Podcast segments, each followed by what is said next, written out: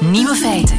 Dag en welkom bij de podcast van Nieuwe Feiten van vrijdag 27 april. In het nieuws vandaag de oplossing van een van de grootste mysteries aller tijden, namelijk het sokkenmysterie. Sokken, ofwel draag je ze, ofwel liggen ze in de wasmand, ofwel in de sokkenlade. Maar toch heeft iedereen een hoop weessokken. En het is ook niet zo dat er bij een grote schoonmaak plots uit alle hoeken en gaten verloren sokken tevoorschijn komen komen die sokken in een parallel universum terecht. Nee, blijkt nu, ze worden door uw wasmachine opgegeten. Het bewijs staat op Twitter. Een Sarah Rose heeft een foto getweet van een wasmachine waar de man des huizes het onderste frontpaneel heeft afgeschroefd. Blijkt de opening vol te zitten met sokken. De tweet is 25.000 keer gedeeld, becommentarieerd door honderden mensen. Ook door installateurs van machines en die bevestigen dat er een opening zit tussen de trommel en de deurpost. En die opening zet een beetje uit bij het zwieren. En dat is het moment waarop de sokken opgeslokt kunnen worden. Overigens eten wasmachines niet alleen sokken, blijkbaar ook fijne lingerie. De andere nieuwe feiten vandaag. Damien Hirst, de kunstenaar, die geeft gewoon toe dat hij al zijn ideeën gestolen heeft. Homo's en lesbiennes slapen slechter dan heteroseksuelen. Ford gaat in Amerika alleen nog de Mustang en de SUV's verkopen. En Sander van Hoorn, de Nederlandse journalist, viert Koningsdag in ballingschap. Het middagjournaal komt van Jovan Castiel. Geniet ervan. Radio 1. Altijd benieuwd. Nieuwe feiten. De normale auto, daarmee is het gedaan. Althans, als het van Ford afhangt. In Amerika gaan ze alleen nog SUV's verkopen en sportwagens. Dag Tony. Goedemiddag. Tony Vrelle van uh, Autogids. Dus uh, als ik het goed begrijp, in Amerika geen Fiesta meer? Dat is juist. Uh, een tijdje geleden was het nog een hype, die kleine autootjes, maar dat is helemaal verdwenen. De Amerikanen willen nog alleen maar van die hele grote SUVs of trucks, zoals zij die noemen. Dat zijn de pick-ups en dergelijke. Pick-ups, dat zijn zo, ja, van, van, zo, waar je cowboys in je voorstelt. Hè? Ja. Mensen in ieder geval met een cowboyhoed, zoiets met een bak aan. Inderdaad, maar je kent de Amerikanen, die verhuizen veel meer dan wij. Zelfs tussen staten, en dan moeten ze dingen verhuizen. En dan zijn die pick-ups natuurlijk uh, gefundenes fressen, zal ik maar zeggen. Hè. Dus daarom zijn ze er zo aan gehecht, omdat ze heel veel rondtrekken met allerlei grief. En uh, dan zijn die dingen uh, heel, heel gemakkelijk. Hè. En dus alleen die SUV's blijven op de markt. en de legendarische Mustang, daarin ga je niet verhuizen, hè? Tony? Nee, daarin kan je niet verhuizen. Maar die heb je dan weer. Een Amerikaan heeft gewoonlijk twee of drie auto's. Die, is, die heeft hij dan om op de oprit te staan en om zondags mee een tochtje te maken. Hè. Ja, en dat en blijft dat een enorm bakbeest. Het doet nog ja. altijd denken aan de, de originele Mustang. Ja, ja, inderdaad. Dat is juist de bedoeling. Hè. Dus, uh, de, de, de nieuwste, zal ik maar zeggen, lijkt heel sterk op de oude. Maar hij rijdt een stuk beter, zal ik maar zeggen. Ja, hij ziet er wel een stukje lomper uit. Hè? Ja, dat moeten we ook wel uh, erbij dat is juist, maar auto's zijn altijd groter geworden. Hè? Ja. Uh, nu, dat is de Amerikaanse smaak. Dus die andere merken zullen dan wel volgen. Meer inzetten op SUV's en sportwagens. Wel, ze doen dat daar allemaal al. Hè. Dus uh, op dit ogenblik is de, de markt van die, die twee soorten auto's nog altijd booming. En daar verdien je heel veel geld op, want ze zijn relatief eenvoudig in elkaar te steken. En als je er dan wat gimmicks op plaatst, dan kan je er heel veel geld voor vragen. En dat is wat de constructeurs op dit ogenblik aan het doen zijn in de States. Ja. Maar waarom een, een gewone auto met vier deuren en een koffer, dat, dat is, laten we zeggen, 80 jaar goed genoeg geweest en nu plotseling ja. niet meer? Wel, uh, er is uiteraard altijd die verdeling geweest tussen de normale auto's, zou ik kunnen zeggen, en die, die uh, pick-ups en trucks en dergelijke. Maar uh, de, de, evolutie van de markt is wel zo dat de, de, constructeurs denken dat de zelfrijdende auto en de deelauto, dat die zal, uh, laten zeggen, er klassieker uitzien, maar dat de mensen zelf, als ze er nog in kopen, meer zullen gaan voor die laten we zeggen, meer uitzonderlijke modellen of die SUV's en dergelijke die aan vrijheid doen denken of aan verhuizen en dit en dat. Ja, en ja, dat je ja, dus, dus eigenlijk voor kleine verplaatsingen, korte verplaatsingen en verplaatsingen binnen de stad zal er een soort deelsysteem komen in de toekomst. Inderdaad, ja. ja. Waarbij je niet je eigen auto, maar andermans auto of een soort uh, Uber-systeem, dat zal nog dat- moeten blijken welk systeem het zal worden. Inderdaad, maar je ziet bijvoorbeeld dat eh, als Ford testen doet met, het, zelfrij- met zijn zelfrijdende auto, doet hij dat met een klassiek model. Maar eh, de verkoop is natuurlijk die, laten we zeggen, uitzonderlijk grote trucks en pick-ups. En volgt Europa automatisch? Want ja, het autoland bij uitstek blijft natuurlijk de United States of America. Wel, automatisch volgen is misschien een groot woord, maar je ziet natuurlijk ook dat de SUV's hier bijzonder populair zijn.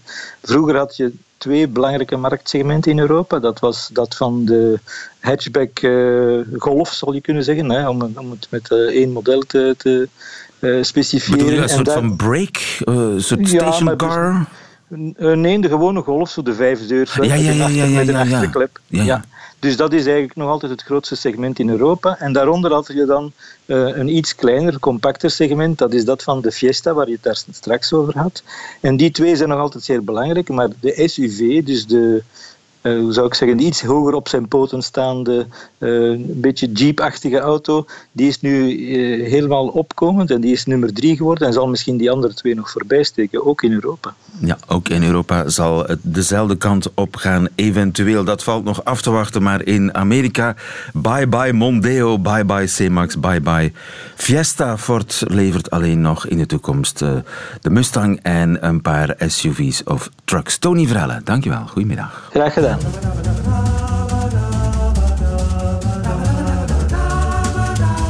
Nieuwe feiten. Verschijnt een glimlach op je gezicht, lieve. ik, ik eh, heb een eh, eh, zonnebril verlangen, want je ziet er bepaald radiërend uit vandaag, Sander. Ja, men draagt dus een oranje polo op een dag als deze. Men een oranje polo. Dag Sander van Horen. eh, Sander van Horen, ex-correspondent Beirut. Voor de NOS in september met een nieuwe opdracht. nieuwe standplaats Brussel van Beirut naar België.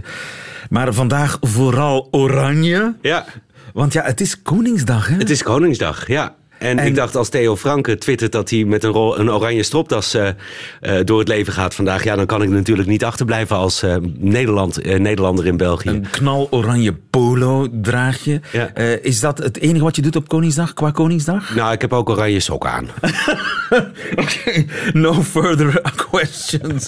Ik bedoel, maar je vier, vier je dat als Nederlander eigenlijk? Nee, dan, dan in vraag het je- buitenland? Dan vraag je het eigenlijk, wou ik net zeggen, net aan de verkeerde Nederlander. Want ik ben eh, al 14 jaar Nederlander in het buitenland. En eh, dan heb je, eh, en dat is ook hier niet anders, de ambassade die een Koningsdagfeestje geeft. Of vroeger een Koninginnedagfeestje.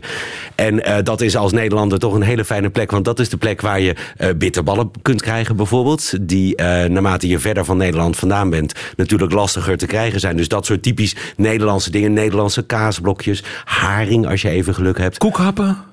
Nou, en dat is het interessante. Dat hebben we in Libanon gedaan. En daar Je hebt in Libanon gekoekhapt. ja, dan zie je dus de mismatch tussen eh, in Libanon waar ik gewoond heb, in Israël waar ik gewoond heb, waar je als Nederlandse gemeenschap eigenlijk veel ouderwetser bent dan de Nederlanders in Nederland. Met name tijdens Koningsdag. Want wat je, wat je op een of andere manier doet, en ik heb me er tegen proberen te verzetten en jammerlijk gefaald, is dat je dingen doet die typisch Nederlands zijn. En dan grijp je terug op dingen uit je jeugd. En dat is inderdaad koekhappen, dat is eh, touwtje trekken, dat is eh, eh, zaklopen, dat is nou ja, van dat soort dingen allemaal. Dat Ezeltje prikje, die nu ken plaats in Brussel, pardon? Ezeltje prikje. Ezeltje prikje. Ik probeer me dat voor te stellen, Ja, dat maar is ook zo'n typisch onno- Nederlands- onnoemelijke beelden doen me nu op. Maar- Kinders, ja, nee, ik kan me iets van voorstellen, daar gaan we niet op in. Maar ook weer zo'n typisch Nederlands spel wat je dan speelt. Terwijl als je vandaag de beelden van Koningsdag in Groningen, want daar is op dit moment, as we speak, de koninklijke familie.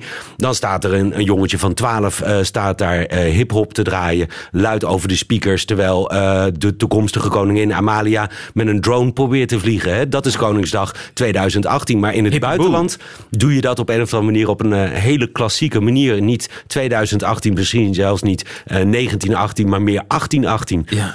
En kun je dat uitleggen aan een Belg? Waar dat, want wij hebben geen equivalent daarvoor. Gaat het om de Nou ja, ik had dat equivalent, daar heb ik een paar weken geleden over proberen te vertellen, heb ik uh, natuurlijk proberen te zoeken bij de Ronde van Vlaanderen. Ja, dat is ook zo. En uh, daar zie je inderdaad uh, de, de, Vlaamse vlag. En, ja, maar die wordt massaal uitgedeeld. Precies, en, en is het Vlaams nationalisme is er, is er ook wel degelijk. Want ik heb met moet je echte op dat kan misschien zo lijken. gesproken die, die zeiden van eigenlijk, eigenlijk is Parijs-Roubaix en Luik-Bastenaken-Luik zijn ook gewoon Vlaamse koersen, weet je wel. Dus dat, dat, dat sentiment heb je dan wel. Maar niet zo dol als in Nederland, waar mensen al vanaf vanmorgen vroeg uh, langs uh, de route van de koninklijke familie uh, staat om te proberen een glimp daarvan op te vangen. En inderdaad, zelfs iemand die niets met het koningshuis heeft, vandaag door het leven gaat met oranje sokken. Ja, dus het gaat om de koning.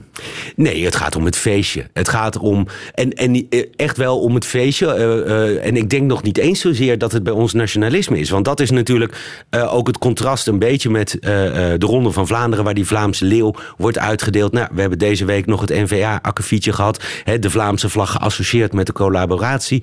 Um, in Nederland heeft het dat eigenlijk niet. Nationalisme bij ons, ondanks het feit dat we op een dag als vandaag samenklitten. Ondanks het feit dat we op Koningsdag en op campings in Frankrijk samenklitten is dat nationalisme ons eigenlijk wezensvreemd. En dat, dat het, vind ik een rare paradox bij ons. Zou je het patriotisme kunnen noemen? Zo liefde voor, het eigen, voor, het, voor de geboortegrond? Absoluut niet. Nee, maar dat, dat hebben wij eigenlijk toch niet. Ik bedoel, als je, ons, uh, als je je in Nederland op je Nederlanderschap of op uh, het land Nederland laat voorstaan, dan, dan word je uh, meteen publiekelijk in de band gedaan. Waarom heb je dan Jan, een oranje t-shirt Jan-Peter Balkenende, toen premier van Nederland, die sprak over iets meer trots op het land en hij noemde dat iets meer de VOC-mentaliteit. Verguisd werd de man. Ja, maar dit is toch een oranje t-shirt? En dat is... Dat is trots zijn op je Nederlandschap. Nederlanderschap, dat is het toch? Ik had heel veel vragen verwacht, maar niet de vraag waarom ik inderdaad vanmorgen dat oranje t-shirtje heb aangetrokken. Dat ja, is, omdat het ons heel vreemd is. Het hoort erbij en je denkt er verder niet over na. Het Net zoals soort, heel veel ja, Nederlanders okay, vandaag dan, dan... naar buiten gaan. En, en, en, en, en, en, dat is het hele maffe. Uh, vieren dat een man van inmiddels 51 rare dingen loopt te doen op Koningsdag. Zijn moeder deed het altijd met gezonde tegenzin, die er soms van afstraalde, Beatrix. Uh, uh, uh, toen is ook geprobeerd het allemaal wat moderner te maken. Nou, inmiddels voelt het wat natuurlijker, want dat deed het niet. Onze koninklijke familie op Koningsdag, dat was zeg maar jullie koninklijke familie op een normale dag. Stijf en ongemakkelijk en ontoegankelijk. Nou, dat is er inmiddels wel vanaf. Maar dan zit ik naar een meisje te kijken, wat met een drone probeert te vliegen. En ik denk, oh wat leuk. Dat is mijn toekomstige koningin. Wat raar is het eigenlijk. Ja. En datzelfde gevoel, dat bekroop me een beetje toen ik uh, gisteravond laat... dat is dan mijn ritueel, dan is de familie naar bed... en dan probeer ik altijd nog één uh, Nederlandstalig en één Franstalig Belgisch journaal te kijken... en dan wissel ik een beetje af tussen commerciële en publieke. Nou, gisteren was het uh, VRT Nieuws aan de beurt. En daarna Villa Politica. En zo belandde ik in het debat gisteren over La Belgique Papa... Oh ja, natuurlijk. Laten we het ook nog over België hebben. Want daar, bedoel, dat, dat leerde mij heel veel. Ten eerste moest ik meteen gaan googlen. Ik had er natuurlijk wel een idee bij, zoals ik vaak bij uh, Belgische termen heb. Maar dat dat zo diep teruggreep op het uh, in feite ook Vlaams nationalisme. Het afzetten tegen de Franse elite die maar die postjes uh, verdeelde. En uh, het ging natuurlijk, hè, voor de mensen die het allemaal wat minder gevolgd hebben. Een telg uit de familie Frère die gecatapulteerd wordt in de regentenraad van de Nationale, van de Bank. Bank. Precies, ja. En, en, en dat bestaat, komt, komt niet voor in Nederland, nepotisme? Um, nepotisme zou ik willen zeggen niet. Natuurlijk heb je wel politieke families. De familie Patijn, de familie uh, de Gaai Fortman. Uh, ik bedoel, je, je, nou ja, ik zal er ongetwijfeld nog heel veel vergeten. Maar ik ben dus gisteren eens wat uh, gaan googlen. En, en dan kom je inderdaad op al die namen die je kent uit de actuele Belgische politiek. Die inderdaad blijken vaders, broers, ooms te hebben. de Hanen van Rompuy, de Klerk, de Kroo. een naam waarbij het dan van mij mag is de Kerkhoven van Dentegem. Van ook. Een, ook zo'n politieke familienaam. Met zo'n naam mag je. En toen had ik alleen nog maar uh, de liberalen en de christenen gehad. Ik ben gestopt bij de socialisten. Maar zelfs Vlaams Belang hè, is van de families Neel en Dille bijvoorbeeld. En, dan dat... heb je het nog niet eens over de Franstaal. Dus hier in België is dat wel een ding. En dat, wordt eigenlijk door niemand serieus aan de kaak gesteld. Nou ja, de NVA die heeft dat uh, uh, uh, wel in, voor de vorm gedaan. Maar ze, gisteren zag je de minister van Binnenlandse Zaken, NVA, namens de minister van Financiën, NVA, verdedigen dat een jongen van 34 op zo'n belangrijke post benoemd wordt. Tuurlijk, ja, er zijn uh, politici. Alexander de Croo is gewoon verkozen. Hè? Ja. Die, die, die, wordt door het volk verkozen. Waarbij de verdenking dan altijd een beetje is dat je dat toch hebt gedaan doordat je heel veel invloed hebt met zo'n naam. En ook binnen bijvoorbeeld een partij die jou in eerste instantie moet kandideren, ook heel veel invloed hebt. Zo'n zo'n familie Frère is natuurlijk uh, rijk, machtig, heeft goede connecties.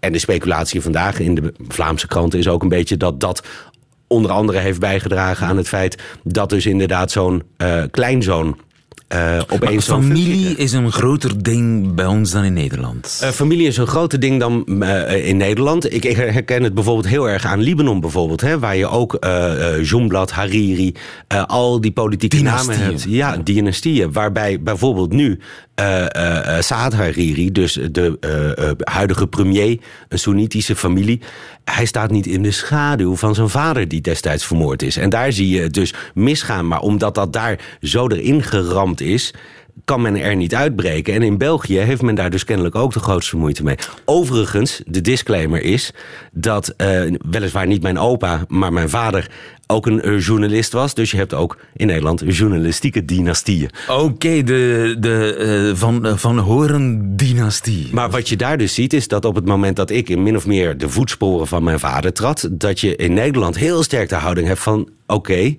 hoe kom je daar? En nu moet je jezelf dubbel bewijzen. Ja, en de vraag is een beetje die mij uh, gisteren achterbleef toen ik midden in de nacht naar het Kamerdebat zat te kijken in het federale parlement. Zal dat met de familie Frère ook zo zijn? Of is dat inderdaad toch uit naam van uh, de familie en uit naam van het geld? Een goede vraag. Het antwoord uh, laat zich misschien wel een beetje raden. Wat ons brengt bij de woordenlijst. Ik heb een beetje in de koninklijke sfeer gezocht. Volgens mij een woord dat ik alles heb voorgelegd in een van onze vorige testen. Colloque singulier. Ja, als je het nog sneller uitspreekt dan... Colloque singulier. Nee.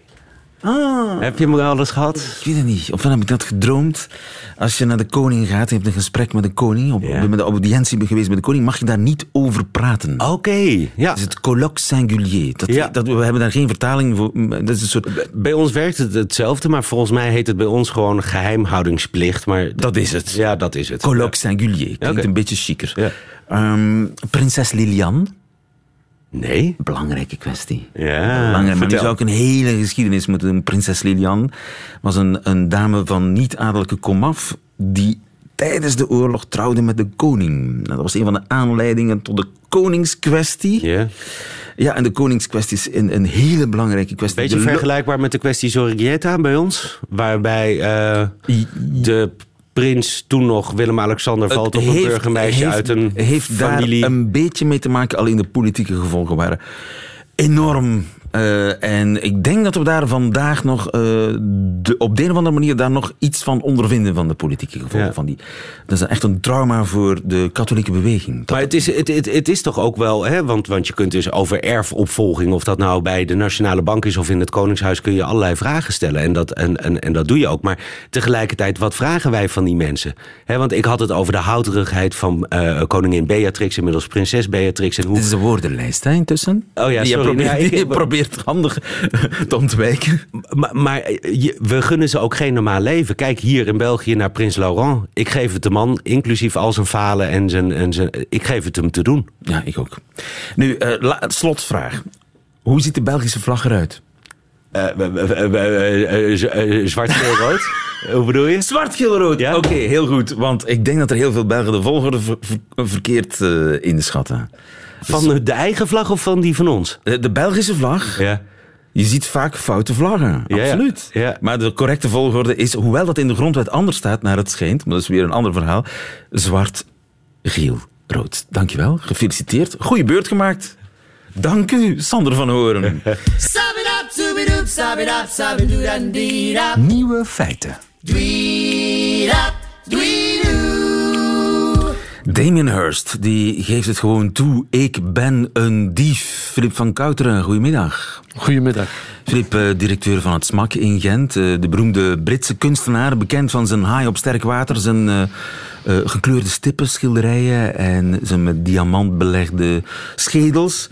Die doet zijn bekentenis aan zijn collega Sir Peter Blake, de nu 85-jarige kunstenaar die ooit de hoes ontwierp van de legendarische plaat Sgt. Pepper's Lonely Hearts Club Band van de Beatles. Die collage die iedereen kent natuurlijk. Eh, Damien Hirst die brengt voor een kunsttijdschrift een bezoek aan het atelier van die Peter Blake. En en passant zegt hij dit. Now all my ideas are stolen anyway. Well, all ideas are passed, don't they? Yeah. Pass one, one to another. Yeah, I mean, I'm not even the spots. I'm thinking, where did I stole them from? Larry Poons or someone? Or a plate you Yeah. saw or something like Yeah. that. Nothing's original, is it? I mean, it's what, it's what you do with it, isn't it? Yeah. I mean, I think when I started at Goldsmiths, that was the best thing, really, was when you realise you don't have to be original. Exactly. You know, they used to say, don't borrow ideas, steal them. Did they? Yeah. Michael Craig Martin used to say that, and I remember thinking, really? Damien Hirst die herinneringen ophaalt aan zijn schooltijd en zijn leraren op Goldsmith, de, de, de kunstschool, zeiden je moet ideeën niet lenen, je moet ze stelen. Ik heb alles gestolen, zegt hij. Larry Poons, die deed ook al eh, schilderijen met stippen en ik heb dat gewoon gepakt. Filip, dat is toch een straffe uitspraak? Ja, e- eerst en vooral, prachtig filmpje. Je moet het zien. Ik vind het wondermooi hoe dat je de twee heren eigenlijk ziet flaneren door die collectiestukken van Peter Blake. Trouwens, Damien Hirst is zelf verwoed verzamelaar. En dan denk ik, als ik hoor... eh, ik ben niet zo verbaasd als hij die uitspraak doet. Want ik denk tenslotte, we zijn misschien toch allemaal dieven. We zijn op een of andere manier schatplichtig aan de dingen die we gezien hebben, aan de dingen die blijven hangen zijn. En ik denk, als kunstenaar heb je daar nog een andere vrijheid, een ander vermogen om te doen wat je denkt te moeten doen. En, en ik vind daarbij ook, we hebben die obsessie met originaliteit, we hebben die obsessie met de, de kunstenaar als een soort genie die, eh, Uit het die, niets. die uit het niets alles creëert, als het ware. Maar originaliteit bestaat niet, zeggen die heren onder elkaar bij een kopje thee. ik, ik denk dat dat... Weet je, een werk is sowieso altijd origineel, aangezien het deel uitmaakt van een uivre, aangezien het deel uitmaakt van een andere... eh, dat het een andere plek heeft in een geheel, dat het deel uitmaakt van een andere biografie, van een ander tijdstip, van een ander moment. En dat is natuurlijk iets... ehm, weet je, iets... iets eh, een uitspraak die mij niet verbaast van Damien Hirst. En die eigenlijk een uitnodiging is om, om eens, eh, weet je, is, een, is ook een agent provocateur. Hè. Denk Het is ook een als provocatie bedoeld ook, hè? Absoluut. En, maar het laat ons toch wel eens nadenken over wat, wat we van een kunstenaar kunnen verwachten. Ja, maar eh, het uitgerekend hij die dat zegt is natuurlijk ook eh, sterk, want al heel zijn carrière wordt hij achtervolgd door claims van collega's hè, die zich bestolen voelen. Inderdaad. En ja, ook dichterbij gebeurt het. Hè. Ik herinner me nog Jan Fabre en Wim Delvoye die in de clinch gingen omwille van het gebruik van Jan Fabre van eh hesp en ham bij Over Edges in Gent, terwijl Delvoye claimde het al eerder gedaan te hebben. Charcuterie is van mij. Voilà. maar ik denk, we, we, moeten voorbij, we moeten hier doorkijken. We moeten, we moeten kijken Maar wacht even, afvragen- Eh, Damien Hirst plakt diamanten op schedels. Mhm. Blijkt dat hij dat ergens anders gezien heeft. Wel, vergeet niet, in die muziek, hè, daarnet luisteren we nog naar Serge Gainsbourg. Ook Gainsbourg citeert en haalt eh, bepaalde melodieën of elementen uit, uit muziek, uit klassieke muziek en uit, uit- van andere plekken of bepaalde riffs. In de muziek hebben we daar blijkbaar veel minder moeite mee dat een kunstenaar, of ook Mozart vroeger nam eh, stukken, eh, stukken motieven van andere componisten. Daar hebben we blijkbaar minder moeite mee dat een muzikant een, een dief is dan als het in de beeldende kunst gebeurt. Alleen vanuit die obsessie met het, eh, dat, een, dat een kunstwerk een origineel idee moet zijn door een individu gemaakt. Iets wat heel westers is, wat ons heel sterk verbindt aan een soort kapita- kapitalistisch systeem, waar het kunstwerk nog altijd een waar is, dat een, Ja, ja. een uniciteit moet Maar goed, hebben. eh, eh, or- echte originaliteit bestaat niet. En toch is zo'n museum als het SMAK eh, geobsedeerd door vernieuwing. Absoluut. Maar vernieuwing die deel uitmaakt van de geschiedenis. Vernieuwing die deel uitmaakt van de, de, de wereld waar we vandaag in leven. De kunstwereld vandaag, anno 2018, is een andere dan die in 1994 of in 2005. Dus je moet er wel iets aan toevoegen. Ja, en het is iets, je moet ook iets... Weet je, als kunstenaar reageer je of maak je werk eh, handelend in de tijd waarin je leeft en een antwoord biedend aan de tijd waarin je leeft. Je doet dat niet in een soort heel afgesloten vacuüm weg van alles. Nee, en daar, daar is uh, de, de kunstgeschiedenis en wat anderen gemaakt hebben of anderen jou voorgedaan hebben, is evengoed een bron als literatuur een bron kan zijn, als de reclame een bron kan zijn. En vergeet niet, er zijn veel kunstwerken die nadien geïmiteerd zijn door de reclamewereld, die opgenomen zijn door de reclamewereld. Maar je staat altijd op de schouders van je voorgangers. Absoluut. En ik denk dat dat een comfortabel gevoel is om op de schouders van je voorgangers te staan. Ja, maar bestaat plagiaat dan niet? Wel, ik vind, ik vind ook wij blijven, ondanks dat wij in onze samenleving in veel velden zo snel evolueren, op een bepaald aantal gebieden blijven we nog heel ouderwets en heel, zeg maar, bijna verlammend nadenken. En ik vind dat dat zeker het geval is in de beeldende kunst, waar heel, um, toch nog altijd uh, extreem individualistisch gedacht wordt en extreem gedacht wordt in relatie tot de kunstenaar of de kunstenares als unieke maker. Ja, dus... En ik denk dat we, dat we dat veel opener moeten kunnen bekijken kijken dat, dat ook kunstenaars Weet je, je hebt ook kunstenaars die daar ook eerlijk in zijn en dat durven benoemen door wie ze geïnspireerd zijn of waar ze hun mosterd gehaald hebben. En ik denk dat daar ook een, een, een opdracht ligt, ook als museum misschien, om daar, daar, vandaar om daar iets mee te doen. Er zit een prachtige tentoonstelling in, volgens mij. Overigens mag ik nog één ding vragen. Je weet van die ramkraak in Knokken gisteren? Ja. Die Arne Quinze die van 2,2 miljoen euro. Waar, waar, is die? Is die al aangeboden aan het smak? het is nu Arme Quinze, denk ik, in plaats van Arne Quinze. Oh la la. Ja, maar um, nee, nee. Uh, bedoel, Zou dat kunstwerk nog bestaan of is het al gesmolten? Wel, is allemaal ik, goud, ik, ik, moet eerlijk toegeven dat in dit geval ik er helemaal niet van wakker lig. Ik bedoel, ik lig wakker, meer wakker van het verhaal van Damien Hirst, omdat het ook een mooie exploratie is door die collectie van Peter Blake. Maar in het geval van die ramkraak, dat vind ik een fediver waar uh, die voor mij gerust mag verdwijnen naast andere verhalen die belangrijker zijn. Van Kouteren, dankjewel. Mag ik je heel veel succes wensen met het uh, smak. Ik oh. spring binnenkort nog eens binnen. Oké, okay, tot ziens. Bye bye.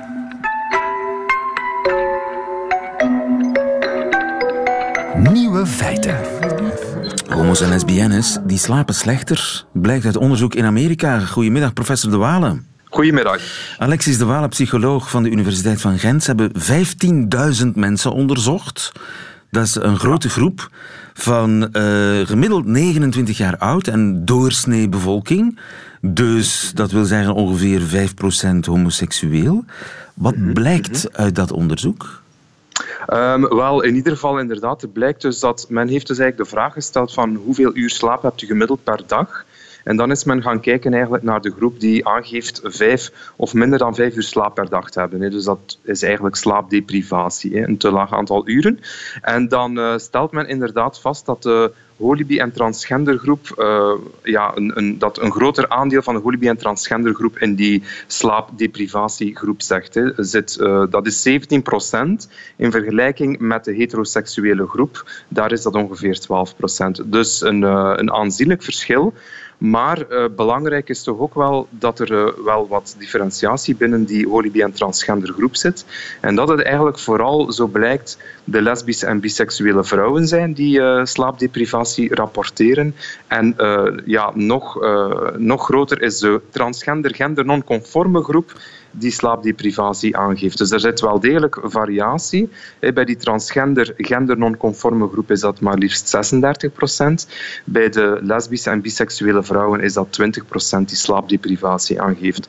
Dus dat zijn toch wel uh, ja, hoge cijfers, inderdaad. Wat is een transgender, non-genderconform iemand? Ja, inderdaad. Dat is een, uh, dat is een zeer goede vraag.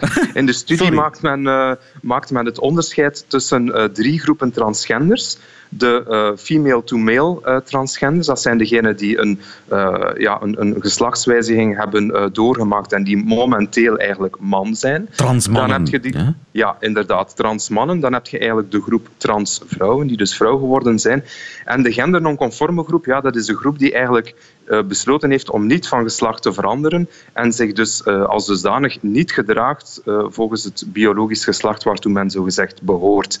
En die groep blijkt dus op gebied van slaapdeprivatie het meest kwetsbaar te zijn. Dus, dus dat ja, 35... zijn vrouwen die onder de douche nog man zijn, simpel gezegd. Ja, dus dat zijn degenen die eigenlijk geen, geen eh, geslachtsverandering doormaken en die er dus anders uitzien dan het biologisch geslacht eh, waartoe ze behoren. En die slapen het slechtst, zeg maar.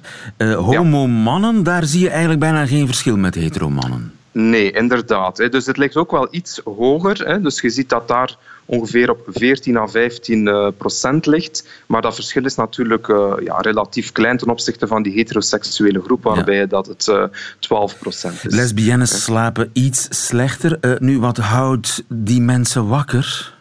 Ja, dat is een goede vraag. Het probleem is, eh, het is een zeer degelijk onderzoek bij, bij een, een, een representatieve steekproef van de Amerikaanse bevolking. Dus in die zin geeft het een zeer accuraat beeld van, van de prevalentie van sleep, slaapdeprivatie. Maar om dan eh, eigenlijk ja, te gaan verklaren van hoe komt dat nu precies, eh, dat blijft altijd zeer moeilijk. De meest voor de hand liggende reden is ehm, ja, wanneer we verwijzen naar het minority stress model, het minderheidsstressmodel, dat eigenlijk aangeeft van ja, als je deel uitmaakt van een minderheidsgroep, dan word je geconfronteerd met een aantal extra stressoren, zoals discriminatie, vooroordelen, en die verklaren dan bijvoorbeeld een lager mentaal welbevinden en in dit geval zou slaapdeprivatie eh, daar ook eh, onder kunnen vallen. Er is ook een andere studie die de link legt met eh, minder positieve, minder goede relaties met de ouders. Dus dat eigenlijk ja, verstoorde, verstoorde relaties met de ouders aan de basis liggen van het minder goed slapen s'nachts. Ja. En dat zou dus kunnen betekenen dat ondanks alle vooruitgang die de voorbije jaren is geboekt, hè, huwelijk, eh, adoptie, dat soort dingen, ook in Amerika kan dat op heel veel plaatsen intussen, eh, dat dat toch nog niet helemaal in orde is. Ja, natuurlijk. Dus we moeten toch altijd zeer voorzichtig zijn met de Verenigde Staten, zomaar te vergelijken met, eh, ja, met een land zoals België. De contrasten in de Verenigde Staten zijn, zijn, zijn veel groter. Eh, discriminatie op de arbeidsmarkt en op de woningmarkt is toch ook veel meer uitgesproken voor minderheidsgroepen. Dus we zien toch wel dat wanneer je in de Verenigde Staten behoort tot, tot een minderheidsgroep of, of, of zelfs meerdere minderheidsgroepen, hè, stel bijvoorbeeld Afro-Amerikaanse holibies, daarvan weten we dat die het nog veel moeilijker hebben. En die contextsituatie is toch niet helemaal vergelijkbaar, denk ik, met onze Belgische of zelfs Vlaamse eh, context. Er is geen vergelijkbaar onderzoek eh, in onze contraien. Nee, er is geen vergelijkbaar onderzoek. Maar wat we natuurlijk wel weten uit eigen onderzoek is dat die mentale kwetsbaarheid er bij holibies eh, ook in Vlaanderen is. En dat die ook wel duidelijk kan gelinkt worden aan het ervaren van, eh, ja, van discriminatie en vooroordelen. Hè. Bijvoorbeeld eh, ja, geconfronteerd worden met, met eh, uitgescholden worden, bijvoorbeeld op straat. Daarvan weten we dat veel holibies eh, dat meemaken. En we zien ook wel dat degenen die dat rapporteren, dat die ook, dat die ook veel kwetsbaarder zijn op het gebied van mentaal welbevinden. hè. Dus Mentaal toch- welbevinden. toch- En dat hangt natuurlijk heel sterk samen met slapen. Hè? Want als je minder slaapt, ja, dat is het begin van een heleboel problemen. Hè? Ja, inderdaad. Dus dat klopt wel. Dus we kunnen inderdaad toch wel veronderstellen dat er daar eh, een mogelijke link is. Hè. Maar, maar of dat het, het, de contrasten zo groot zijn als in de Verenigde Staten, dat, dat kunnen we natuurlijk niet zeggen. Ja, maar homo's en lesbiennes slapen dus gemiddeld, gemiddeld slechter dan eh, heteroseksuelen. Dankjewel, Alexis de Walen. Ja, Goedemiddag. graag gedaan. Tot ziens. Nieuwe feiten. Middagjournaal. Ik was een alcoholische tiener. Ik had toen een serieus alcoholprobleem. Nu gelukkig niet meer. Ik gebruik nu alleen nog af en toe alcohol om te koken. Oké, sommige mensen vinden het raar dat er een halve liter whisky in mijn komkommerslaatje zit, maar het is een oud familierecept. Soms vergeten we zelfs om de komkommers erin te doen. Maar goed, zoals ik zei, ik was een alcoholische tiener en natuurlijk was ik niet oud genoeg om alcohol te kopen. Maar dat was geen probleem, want er was altijd alcohol in huis omdat mijn vader een alcoholische volwassene was. Ik dronk zijn vodka en verving die dan met water. Een heel jaar lang heeft mijn vader martinis gedronken die vooral uit water waren gemaakt. Ik weet niet waarom het is, maar hoe meer ik drink, hoe beter ik me voel en hoe helderder ik kan denken. Ah, daar is Jovanka die alweer een glas water met grenadine drinkt. En als ze dat drinkt, valt zij altijd in slaap. Gewoon door water te drinken, vreemde, vreemde tiener. Misschien kon Jezus water in wijn veranderen, maar als alcoholische tiener kon ik water in vodka veranderen. Alcoholische tiener Jovanka zou zo graag met Jezus hebben rondgehangen. Dan zou mijn vader mij komen halen. Hey Jovanka, die vreemde jongen met zijn lange haar is hier weer. Gaan jullie weer de hele dag in de tuin zitten en water drinken? Vreemde, vreemde tieners. En dan dronk mijn vader nog een martini en Jezus en ik zouden lachen en lachen en lachen.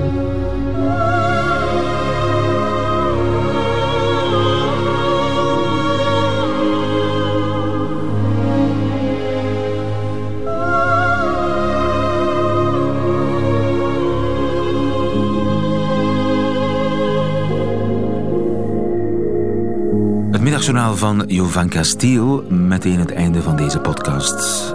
Meer podcasts op radio1.be en op uw gebruikelijke podcastkanalen. Tot de volgende keer.